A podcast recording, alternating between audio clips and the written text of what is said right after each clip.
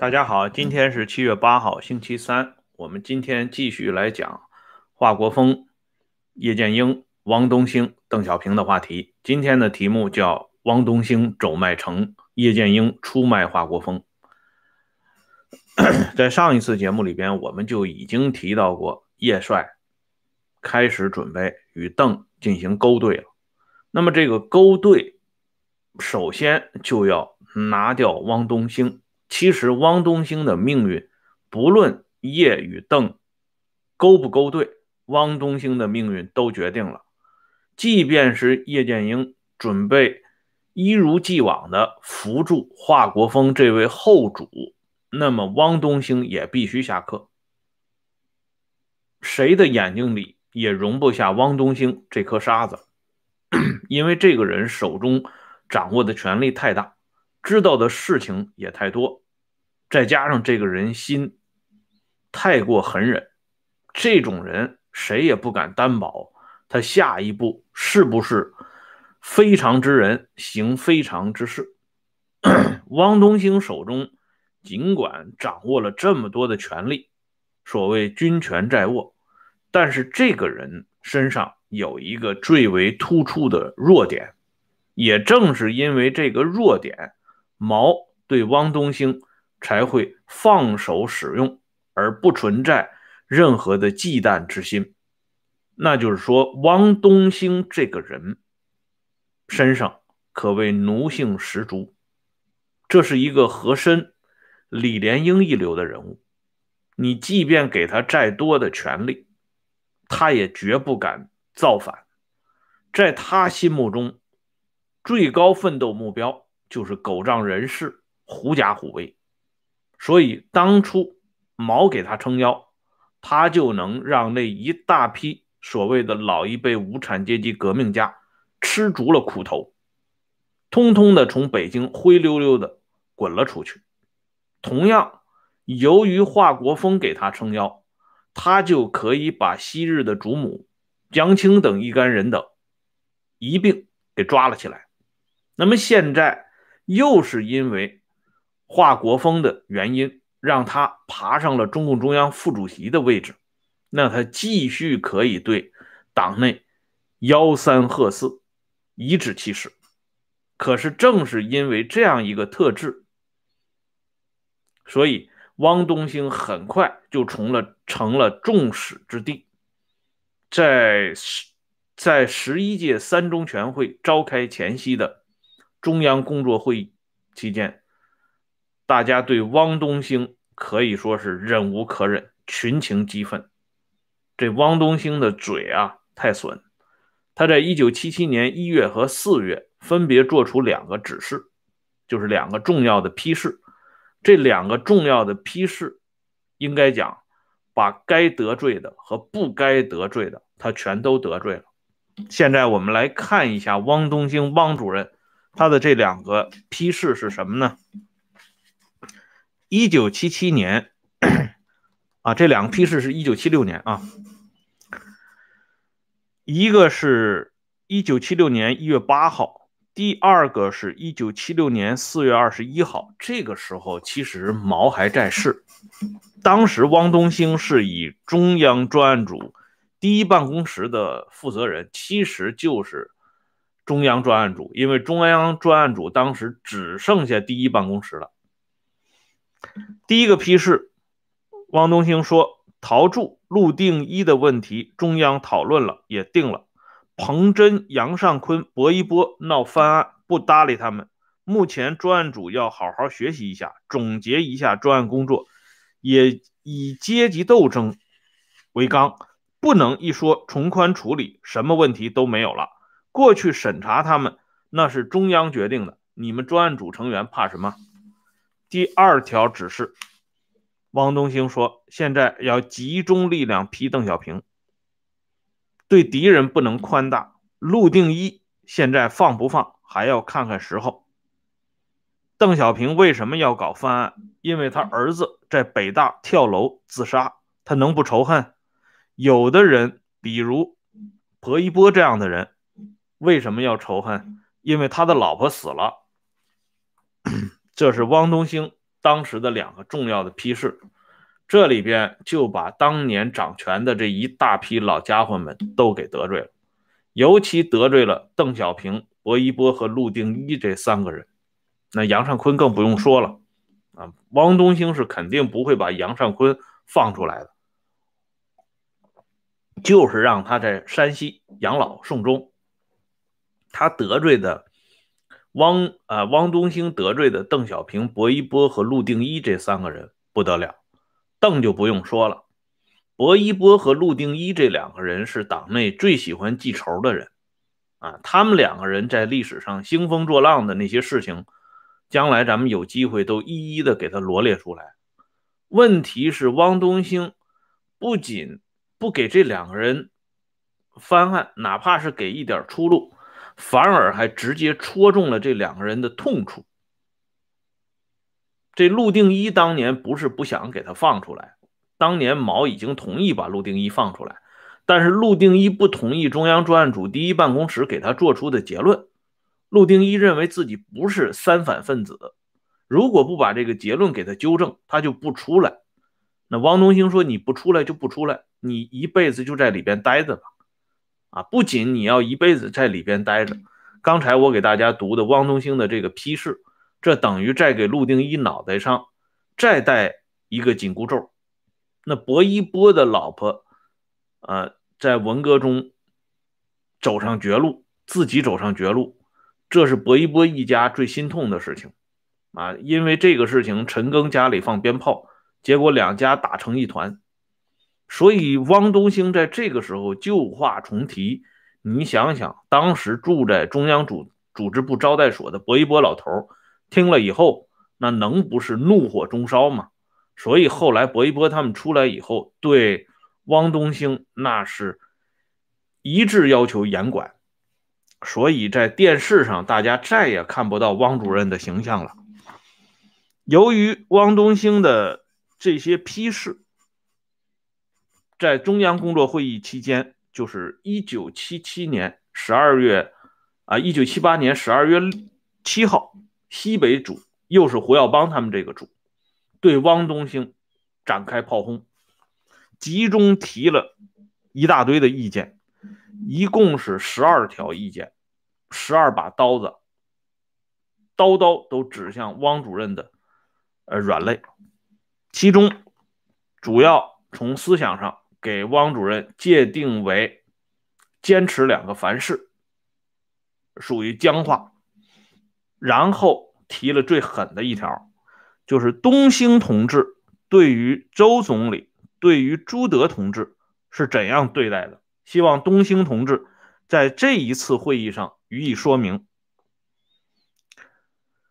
主席当年对邓小平同志做过很高的评价。而东兴同志说，小平同志对文化大革命有刻骨的冤恨，我们不能同意这种说法。为了让东兴同志能够集中精力考虑国家大事，建议他不要再兼任中央办公厅主任，更不要兼任中央警卫局局长。东兴同志主管的宣传工作。近两年来设了诸多的禁区，希望东兴同志对此作出说明。中央办公厅、毛选编委会办公室、中央警卫局需要整顿，需要揭批。八三四幺部队在建制上应交还北京卫戍区，中央警卫局只能做业务联系，不能建一个师的编制，还要恢复警卫团的编制。由最后一条最厉害，就直接指向汪东兴手中的杀手锏，就是他管理的毛的文件柜。他说，中央办公厅的各专案组应将材料人员移交给中央组织部，不能任意销毁任何材料，包括片纸、纸质。这就等于说，直接要缴汪主任的械了。而且，由于对汪东兴的批判涉及到陈锡联、季登奎，啊，西北主还提出陈锡联同志不要再继续担任北京军区司令员，季登奎同志不要继续担任常务副总理。有的啊，老弟提出来是这样啊，说汪东兴是林彪留给毛的一个钉子啊，这种说法呢，我认为不是那么客观啊，这里有很大的主观因素啊。这个话题呢，将来留待林彪事件的时候，咱们再进一步的剖析。眼下咱们还是集中来关注一下汪主任走麦城的这段故事。由于大家的这种批判，汪东兴已经被搞到了墙角。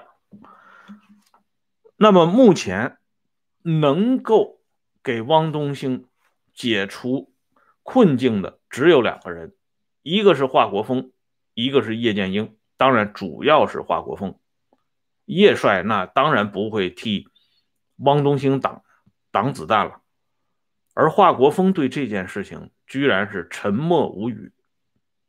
这一次西北主打出的这颗炮弹，不仅砸向汪东兴，也砸向康生的秘书李新。这两个人当时是中央警卫局和中央警卫团的核心人物。这里边我们再看一下李一民的这本小册子，写的很好啊。他就讲到，在一九五一年。为了加强中南海的保卫工作，中央专门成立中央警卫团，当时调张耀慈为团长，杨德忠为政委。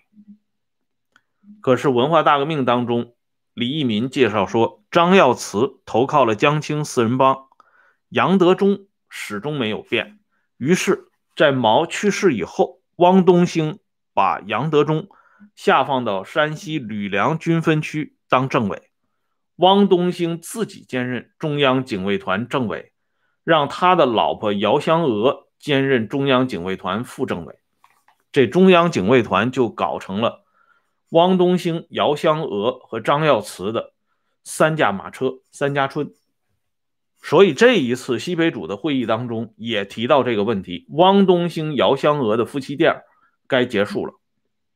华国锋没有表态。没有表态就等于默认，于是汪主任落荒而逃，他真正的麦城时代到来了。这样呢，汪东兴做出了书面检讨，对大家提出的意见表示接受。可是西北组没有放松对汪东兴的穷追猛打，这应该是吸取了伟大领袖当年。留下的教诲：宜将胜勇追穷寇，不可沽名学霸王。于是，在十二月十四号上午，又通过了一个十二条的建议，发在西北组的简报上边。这里边，这个苗头已经开始不对了。首先，赞成华国锋同志关于两个凡是和真理标准问题的讲话。和全部承担责任的态度，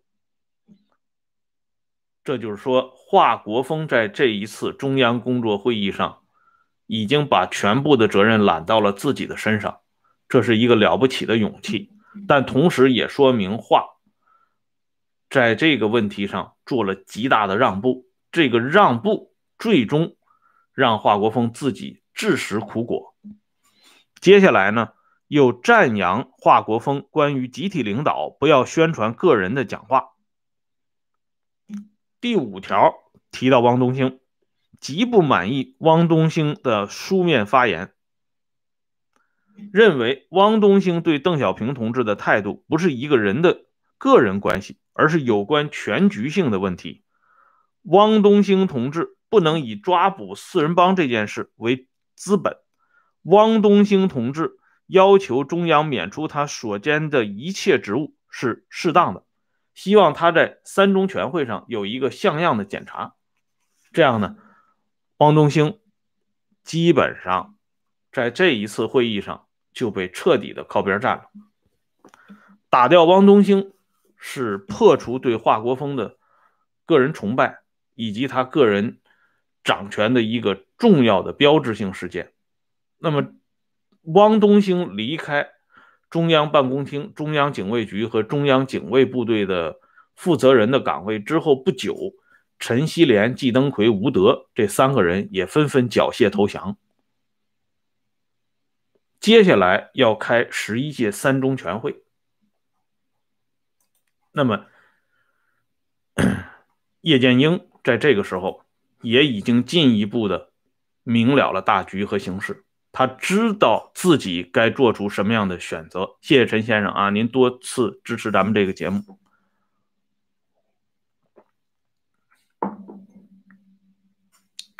叶这个人，我在历史上找到跟他两个非常相近的人物，一个是北周时代的权臣李牧，一个是唐朝早期的功臣李绩啊。李绩大家都知道。《隋唐演义》里的徐茂公就是这个人。这两个人跟叶剑英非常相似。李牧和李绩为了保全门户、长保富贵，在关键时刻都站到了实权人物的这一边。当时两军正是短兵相接的时候，胜负未明，而李牧和李绩。就旗帜鲜明地亮出了自己的态度，为他们身后的荣华富贵奠定了极为深厚的基础。当时杨坚要拿掉北周这些宗室王爷们的权利，李牧呢就毅然决然地跟杨坚走到了一起。武则天要除掉长孙无忌和褚遂良这些顾命大臣。那么李绩按说他作为凌烟阁功臣，应该同长孙无忌他们一起保守唐太宗留下来的祖宗成命。可是李绩呢，居然站到了武则天的这一边，至少是模棱两可。然而这两个人，不论是李牧还是李绩，他们都赶不上叶剑英。这一点其实徐向前和聂荣臻看得更仔细一些，在一九。七七年五月十四号，当叶剑英八十寿诞的时候，聂荣臻和徐向前各自给叶剑英写了一首诗。聂荣臻的诗里边是这么提的：“行若吕端识大事，功成将侯有愧言。”徐向前的诗是这么提的：“吕端当愧功一筹，导师评论早有定。”这里都是把聂呃把叶剑英。评定为吕端，这是按照毛当年的那种评价，但其实，在这三个历史人物面前，叶剑英是熠熠生辉啊，他是独占鳌头的，因为不论是李牧还是李绩，他们都没有保全住门户。李牧且不说了啊，杨广已经把这李牧的后裔都给搞掉了，那李绩的孙子徐敬业，那是专门起兵造反，造。武则天的反，那个骆宾王写的替徐敬业讨伐武曌的檄文，这是刊登在《古文观止》当中，大家都是读过的。那里边名句不少，我就不一一给大家列举了。当然，由于徐敬业的造反，李绩这个家族迅速的败落了，而叶则不同，叶这个大家族到今天仍然是枝繁叶茂。而且他的第三代里边也开始出现厅局级干部了，这大家前几天已经看到了啊，继续还有走仕途的人，所以就是说叶在政治勾兑这方面他是远迈古人的，他把形势看的是很透的。汪东兴、李新这两个重量级人物已倒掉，华国锋在这个问题上束手无策，或者是甘于退让。那么这个人已经不值得叶剑英继续下注了。那么叶转而决定与邓进行全方位的勾兑，时间就是在十一届三中全会期间，即一九七八年十二月二十号这一天，邓和叶分别接见了费遗民，大公报社的社长费遗民。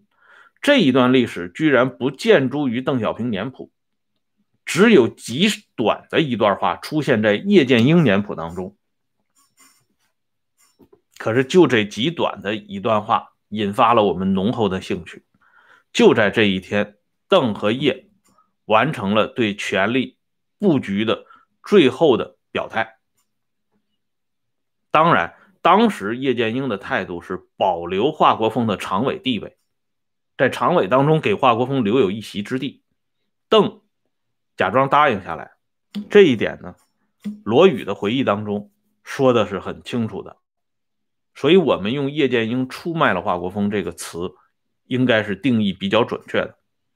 这一场政治勾兑，完成了邓最后十几二十年的执政地位的一个关键性的环节，当然也奠定了叶剑英定策国老的重要地位。这也就是回应昨天啊前天我的节目里边说到，在中共。十二届一中全会中央政治局常委会排名当中，叶剑英还在邓小平之前。有的朋友说，是不是因为叶剑英是人大常委会委员长的原因呢？不是的，因为当时作为五届人大常委会委员长的叶剑英，已经准备把担子交给即将出任委员长的彭真了。从实际意义上讲，叶当时已经不是委员长了。而这个排名其实是延续了中共十一届六中全会的排名。邓当时有一个表态，不要改了，叶帅排在我的前面是应该的。所以，叶这个人的聪明和过人之处就集中体现在这里。罗宇有一段话总结的非常到位，我给大家念一下。罗宇的话是这么说的：“他说，如果说。”邓小平开放有功，这个功分一半给叶剑英也不为过，因为没有叶剑英就没有邓小平。这段话是非常准确的。再有一段，他是评价叶剑英和华国锋之间的关系。他说，叶剑英和华国锋之间的关系，一句话讲明，就是华国锋答应的。事情华国锋都做到了，叶剑英答应的事情，叶剑英一件都没做。华国锋相信了叶剑英，后来又相信了邓小平，叶剑英、邓小平却欺骗了华。这是罗宇的啊原话，我给大家念一下。所以罗宇认为华国锋是党内的一个艺术啊。这又有一个朋友。啊，加入我们这个会员频道很好啊！一会儿我会把会员频道的链接再给大家发一下。为什么罗宇说华国锋是艺术呢？就是党内的斗争，罗宇的总结很好，只问成败，不问道德，更无论无关乎道义和品质。成者王侯，败者贼贼寇。这是党内斗争颠扑不破的真理和原则，而华国锋恰恰在这个问题上，他追求的是道义，甚至是道义上的完整，因此他必然落败。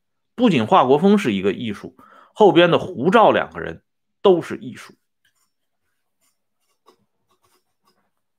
这个朋友，我纠正一下啊，这个一定要加入温相说时政。你这个温相说历史的话呢，你还看不到时政频道啊。温相说历史、温相说党史都看不到时政频道，要订阅那个八点九九加元一个月的才可以啊。因为这个档次的设置跟这个温相本人没关系，这是油管他自己搞的，我也是没有办法。所以这里就咱们这个会员朋友提出的这个事情，我在这里做一下纠正。那么现在我们看，正是因为这样认知上的巨大差异，华国锋的垮台已经是进入倒计时了。不过在十二月二十号这天的勾兑当中，叶剑英也提出一条，不光是华国锋要保持常委的地位，同时还要给苏振华留一条活路。叶帅还是很够意思的啊，对苏振华一直是保护到底的。当时邓小平是满口答应，啊，苏振华同志在粉碎四人帮，在上海这个重新整顿方面是立了大功的，这一点我们大家都心里很清楚。所以苏振华同志在政治上是要给出路的。然而，不到一个月的时间，邓就翻脸了。苏振华不仅没有出路，而且还提前迎来了他的绝路。因为接下来的这个月里边，主要整治的就是苏振华。正像罗宇回忆的那样，卓林，邓小平的老婆卓林，对罗瑞卿的老婆郝志平说过一句话：“还要有大动作。”那么这个大动作是什么呢？这什么样的大动作让徐向前都图穷匕现了呢？那么咱们明天接着说。今天说到这里，感谢朋友们上来收看和支持。我现在把这个 时政会员这个啊给大家发一下，因为好几个会员上来了。对了，老弟说的对，给出路，但是不给活路。这个话只有邓才能说出来啊！当然，邓能这么做，都是因为他的老师教的好。有人说四人帮不讲道义，四人帮确实不讲道义，但是他的量级不够，所以他跟邓和叶这样人的掰腕子，那是注定要落败的。好了，今天的话题呢，咱们就说到这里，明天。接着聊，再见。